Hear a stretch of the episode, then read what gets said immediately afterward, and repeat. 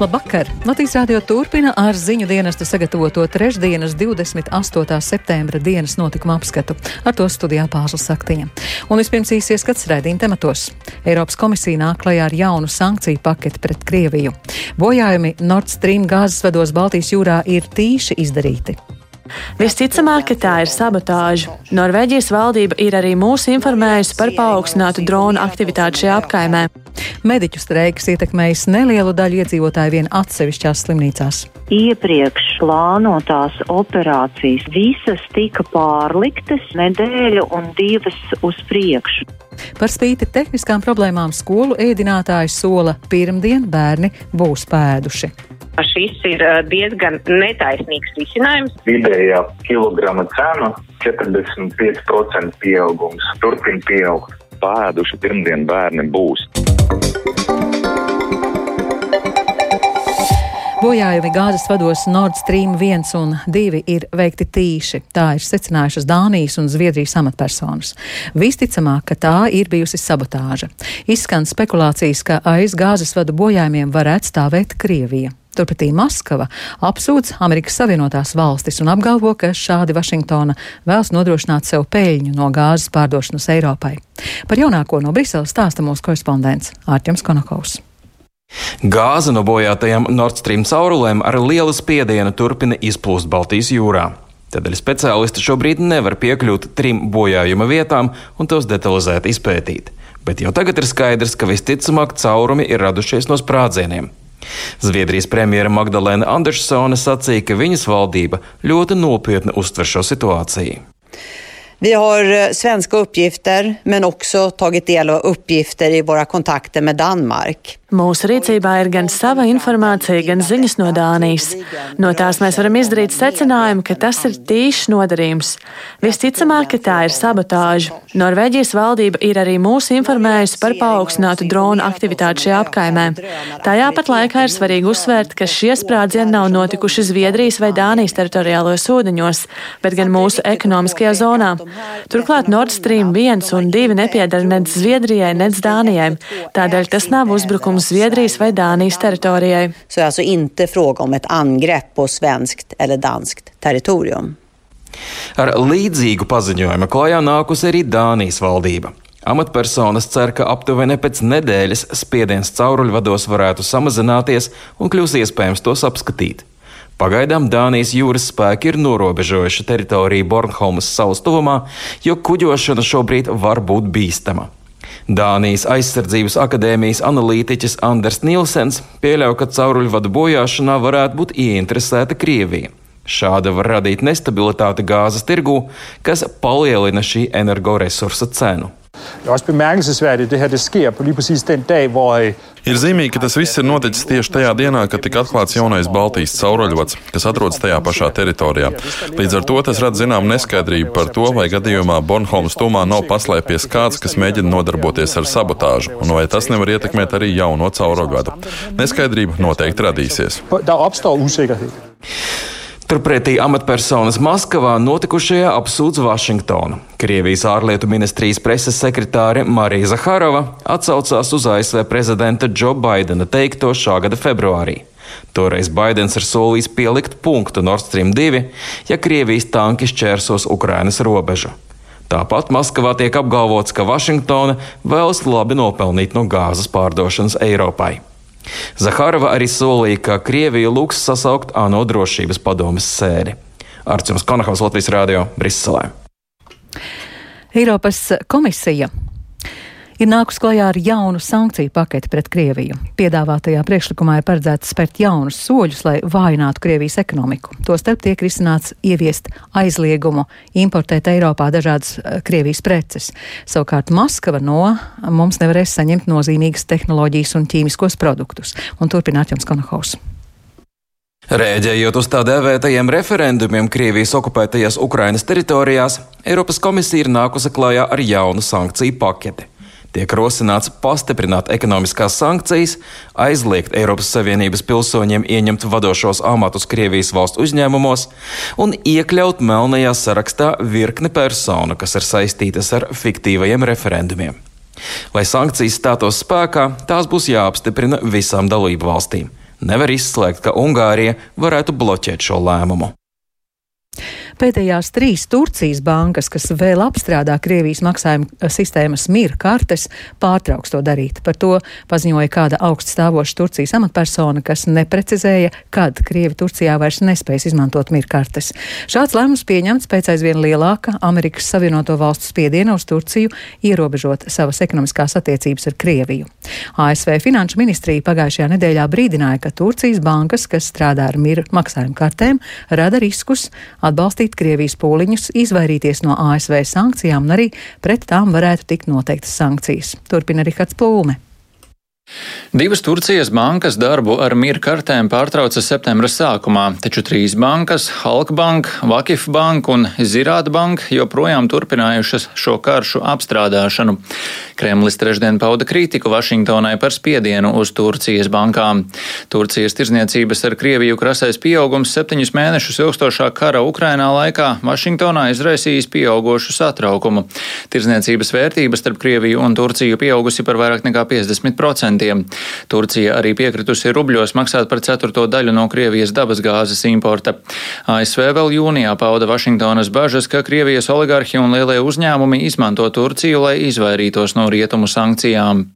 Saistībā ar Krievijā sākto mobilizāciju līdz 26. decembrim ārkārtējā situācija izsludināta Latvijas-Krievijas robežas čersošanas vietās un Alūksnes, Balvu, Ludzas un Augstdaugavas novadā.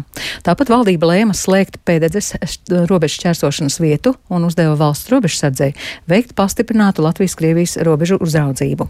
Pie robežas mazpilsētā Kārsavā Latvijas rādio uzrunātie cilvēki lielākoties saka, ka pašlaik jūtas droši un nemana, ka pieaug uh, vairāk vairāk kaimiņu valsts iedzīvotāji šeit, vai arī auto ar Krievijas numuru zīmēm? Nē, nav mašīnu ar Krievijas numuriem. Vismaz pie mums nav bijusi pagaidām. Sakiet, jūs zināt, kas sludināta ārkārtējā situācija pierobežā? Jā, protams. Tā ir vajag aizsargāt savu robežu. To jau sen vajadzēja izdarīt. Vai jūs droši jūtaties dzīvojot pierobežā? Droši. Vajag pašam būt drošam, tautai drošai. Kopsavienība vajadzīga visai tautai tad būs viss kārtībā. Как живем, так и живем потихоньку. Здесь. Kā dzīvojam, tā arī dzīvojam pamazām šeit. Ukraiņu ir daudz, citādi viss pa vecam. Krievus neesmu manījis. Nu, не встречал здесь. Mierīgi, pagaidām vismaz. Nenāk pāri robežai? Nu, neesmu dzirdējusi pagaidām. Nē, es dzīvoju šeit tālāk, no kā 60 km. Nu, tur pie robežas puses. Nu, tur robežas sargi braukā. Nu, neesmu redzējis ne Krievu, ne Ukrainu. Nu, drošība nekas tā. Pagaidām neuztraucos, nekas nav tā. Nu, protams, ka uztrauc. Kā var neuztraukt? Tādas lietas pasaulē notiek. Tā, kas tur visu laiku tā situācija ir bijusi? Es 40 gadus dzīvoju pierobežā, un nekas nav mainījies. Viss ir droši un labi. Kā jūs vispār raugāties uz to, ka tagad no Krievijas varētu bēgt tie, kas mobilizēti, kurus grib mobilizēt? Varbūt, bet es neticu, ka kaut kas beigs. Tie, kas beigs, tie jau nebeigs pāri robežai kaut kur. Meklēs citus ceļus, es tā domāju. Tam sako viņiem te darīt. Aiziet otrā un noslēdzošā mediķu streika diena. Abās dienās strādāt atteikušies 316 ārsti, medicīnas māsas un zemāk kvalificētie veselības aprūpas darbinieki. Tas nozīmē, ka arī daļa plānveida pakalpojumu šajās dienās netiek sniegti. Latvijas radio uzrunātajās veselības aprūpas iestādēs atzīst, ka streika ietekme uz iedzīvotājiem ir ļoti neliela un teju visi plānotos pakalpojumus saņēmuši kā ierasts. Turpina Kristaps Feldmanis. Mediķu streika ietekme slimnīcās ir ļoti atšķirīga, taču kopumā neliela. Piemēram, Ziemeļkurzemes reģionālās slimnīcas darbinieki streikā nepiedaloties, savukārt otrdien aizvadītajā piketā Rīgā no slimnīcas dalību ņēmuši 14 darbinieki, to gan darot no darba brīvajā laikā. Tādēļ nedz slimnīcā Ventspēlī, nedz tās filiālē Talsos streika dēļ nekādu apgrūtinājumu nesot, stāsta Ziemeļkurzemes reģionālās slimnīcas vadītājs Juris Lācis. Mums darbs nav ietekmēts, neviens mediķis vai darbinieks streikā nepiedalās. Runājot to motivāciju, mūsu arotbiedrība uzskatīja, ka pietiek ar šo te piketu un uh, jēgu streikā nesaskatīt. Savukārt cita situācija ir Rīgā, Paula Stradiņa Kliniskajā universitātes slimnīcā. Tur abās dienās kopā streikot pieteikušies 80 darbinieki, tādēļ ir atcelti aptuveni 15 plānveida pieraksti pie speciālistiem un arī 40 plānveida operācijas. Tikmēr valsts lielākajā Austrum Kliniskajā universitātes slimnīcā šodien situācija ir pavisam mierīga un streiks neietekmējot tās darbu. Vakar gan Latvijas onkoloģijas centrā vienu dienu streikojusi daļa darbinieku. Slimnīcas pārstāve Ilga Namniece gan nevarēja pateikt precīzi, cik daudzus iedzīvotājus streiks ietekmēja, jo slimnīcā šis fakts jau bija zināms laicīgi, tādēļ šajā dienā jaunas operācijas nemaz nesot ieplānotas. Savukārt tās dažas, pēc namnieces sacītā aptuveni desmit operācijas, kuras nācās pārcelt, notiks jau tuvākajā laikā. Šīs iepriekš plānotās operācijas Latvijas onkoloģijas centrā visas tika pārliktas nedēļu un divas uz priekšu. Uzreiz jāteic, ka pacientu veselību tas nekādi neietekmēs, jo viņas ir pārliktas ļoti īsā posmā. Sarežģījumus streiks nav radījis Latvijas lielākajā ārstniecības iestādē Daugopils reģionālajā slimnīcā. Tās vadītājs Grigoris Semjonovs atklāja, ka vadībai jau laicīgi bijuši zināmi streikotāji, tādēļ arī darba grafiks sastādīts atbilstoši un neviens cilvēks bez plānotās palīdzības nav palicis. Savukārt Rīgas ielās uzrunātie iedzīvotāji nav saskārušies ar veselības aprūpas pieejamības problēmām un mediķu vēlmi streikot lielākoties atbalsta un izprota. Par mediķu streiku es domāju, ka īsti vietā. Kā citreiz, ja ne tagad, nu, tā ir teikt, pamatoti. protams, ka ir pamatoti. Cilvēki glābj mūsu dzīvības, strādā nenormālas stundas. Es priekšā restauros kā ir tā slodze un uh, psihiskā noslodze tā skaitā. Es domāju, ka nu, tās naudas vienmēr būs par maz. Bet vai šajā momentā bija vajadzīgs, tas ir tā jautājums. Domāju, ka droši vien, ka ir labi, jo mediķiem jau naudu arī vajag. Un tad ir pamatoti šobrīd. Nu, es domāju, ka jā. jā. Nu, es domāju, ka jā, nu kā, nu, mediķi taču tomēr rūpējas par veselībām. Un... Nu, viņiem ir savi iemesli to darīt. Mediķi strādā ļoti smagi, un ja viņiem ir vajadzīgi tādi līdzekļi saviem mērķiem, tad jā, atbalstu. Savukārt Nacionālajā veselības dienestā Latvijas radio informēja tādas informācijas, ka kādā iestādē vai, piemēram, pie kāda ģimenes ārsta kāds pakalpojums šajās dienās nav pieejams nemaz, Nacionālais veselības dienests nav saņēmis nevienā gadījumā. Kristaps Feldmanis, Latvijas radio. Jelgavā septembra sākumā kāda pusaudze piekāva par sevi jaunāku meiteni. Cietušās meitenes māte vērsās policijā, likumsargi uzsāka administratīvo lietu, savukārt cietušās aizstāvis uzskata, ka policija pavirši pildījusi savus pienākumus, vajadzēja sākt kriminālu procesu. Policija norāda, ka administratīvais process ir piemērotākais, jo šādi var ātrāk sasniegt rezultātu. Un plašāk par notikušo Lindas Pundiņas ierakstā.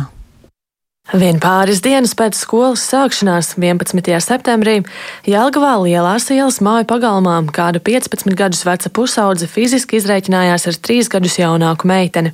Par konfliktu ātri uzzināja sabiedrība, jo sociālajos tīklos citi vienaudži ievietoja uzbrukuma video. Tajā fragmentos redzams, ka vecākā meitene pārdejusi un ar dūrēm situsi pa seju jaunākajai.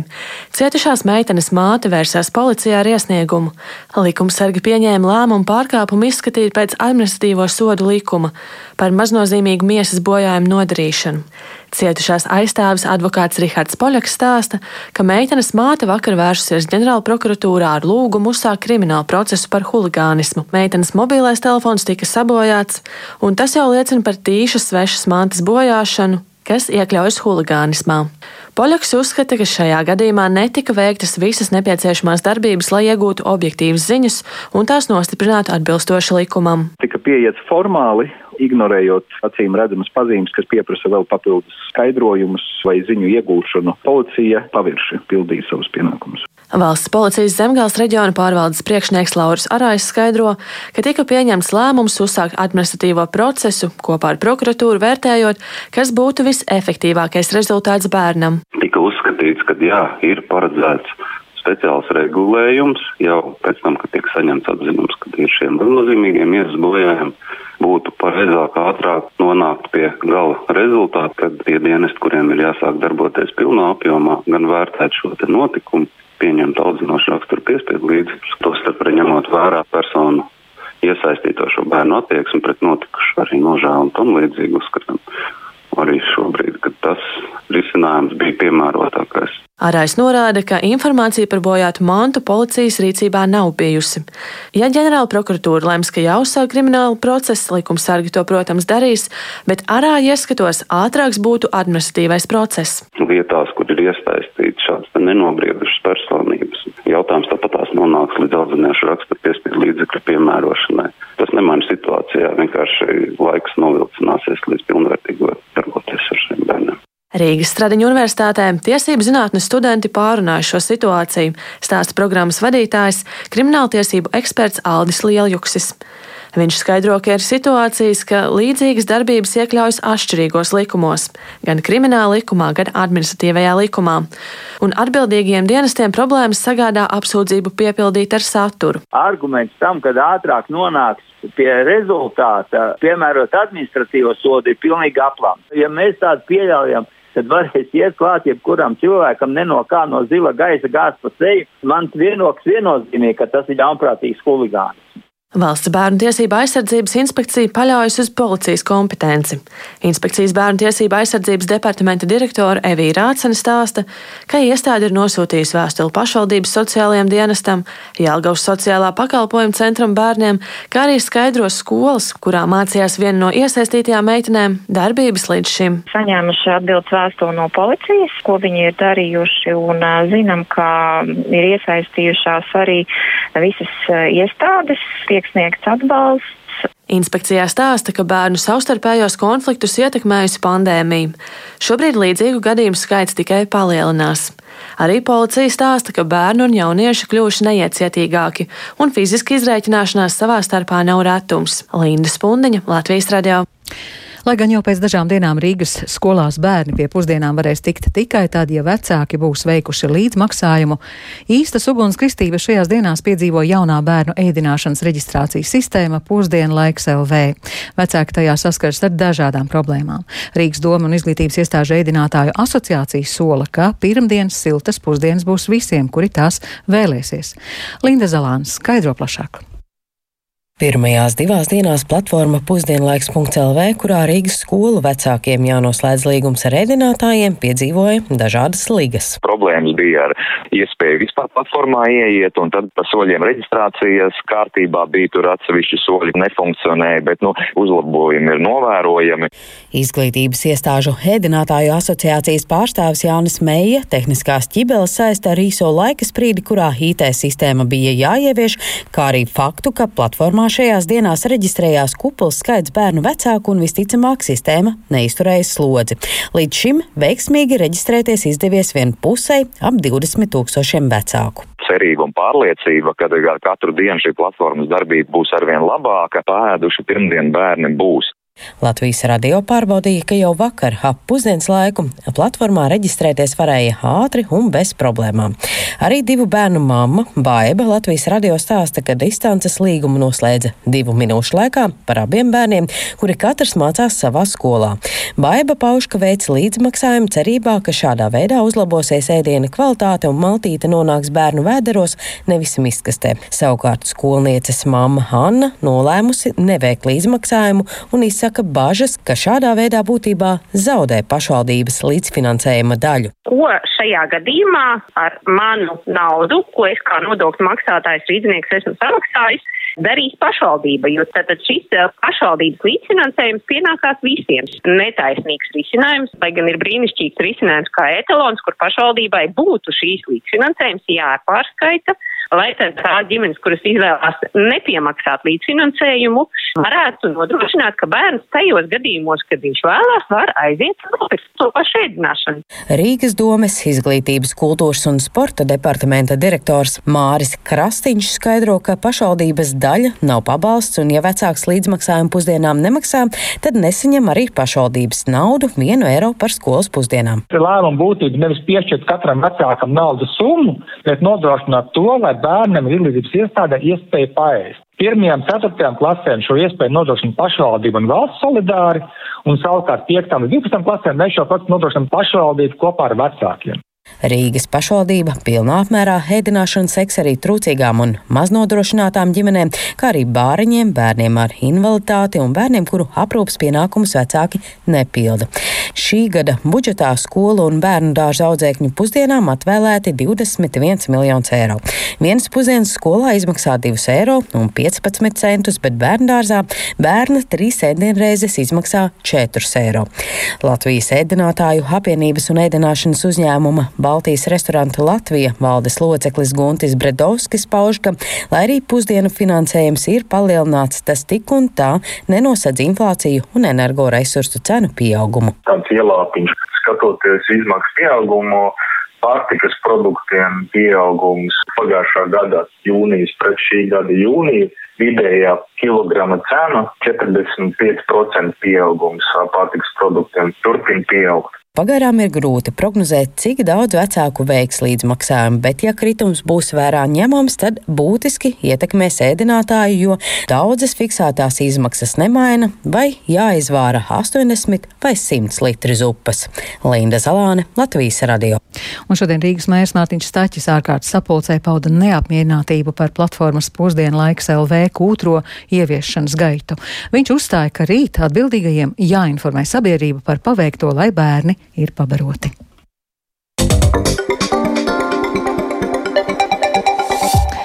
Ceturtdien atvēršanas svētkus piedzīvos Dāņa Vuškāna grāmata starp ērkšķiem un zvaigznēm.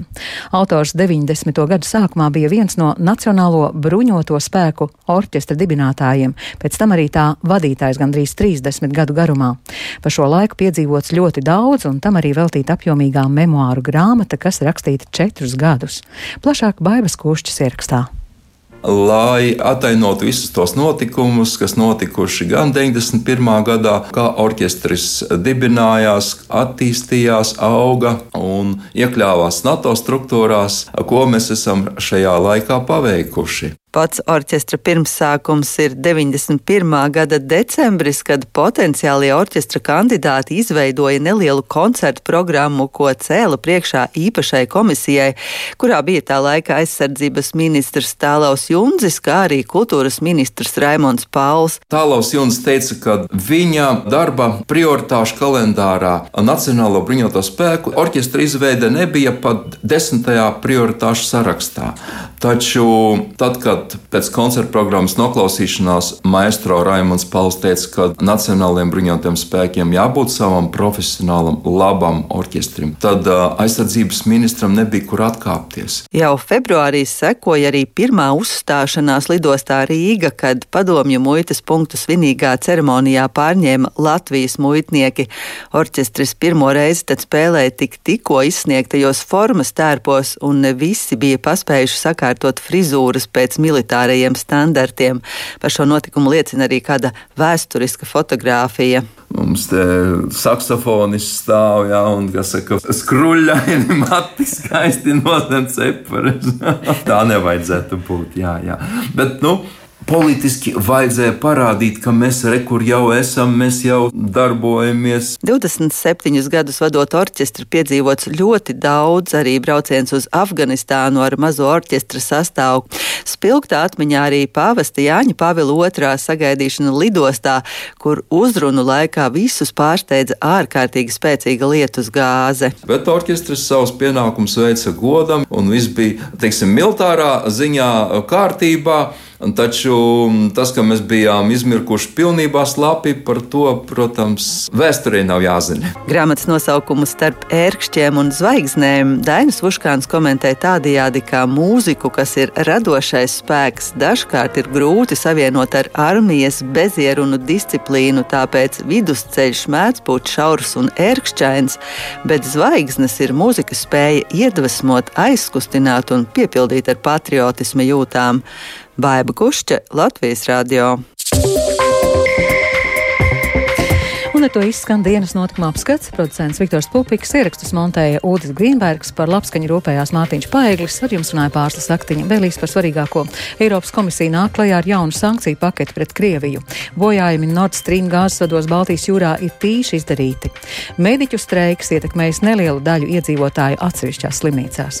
Šī raidījuma atkārtojums raidierakstu platformās kā dienas ziņas Latvijas radio mobilajā lietotnē. Latvijas radio ziņām sekojiet līdzi arī Latvijas radio viens Facebook lapā mājaslapā un LSM LV. Yeah.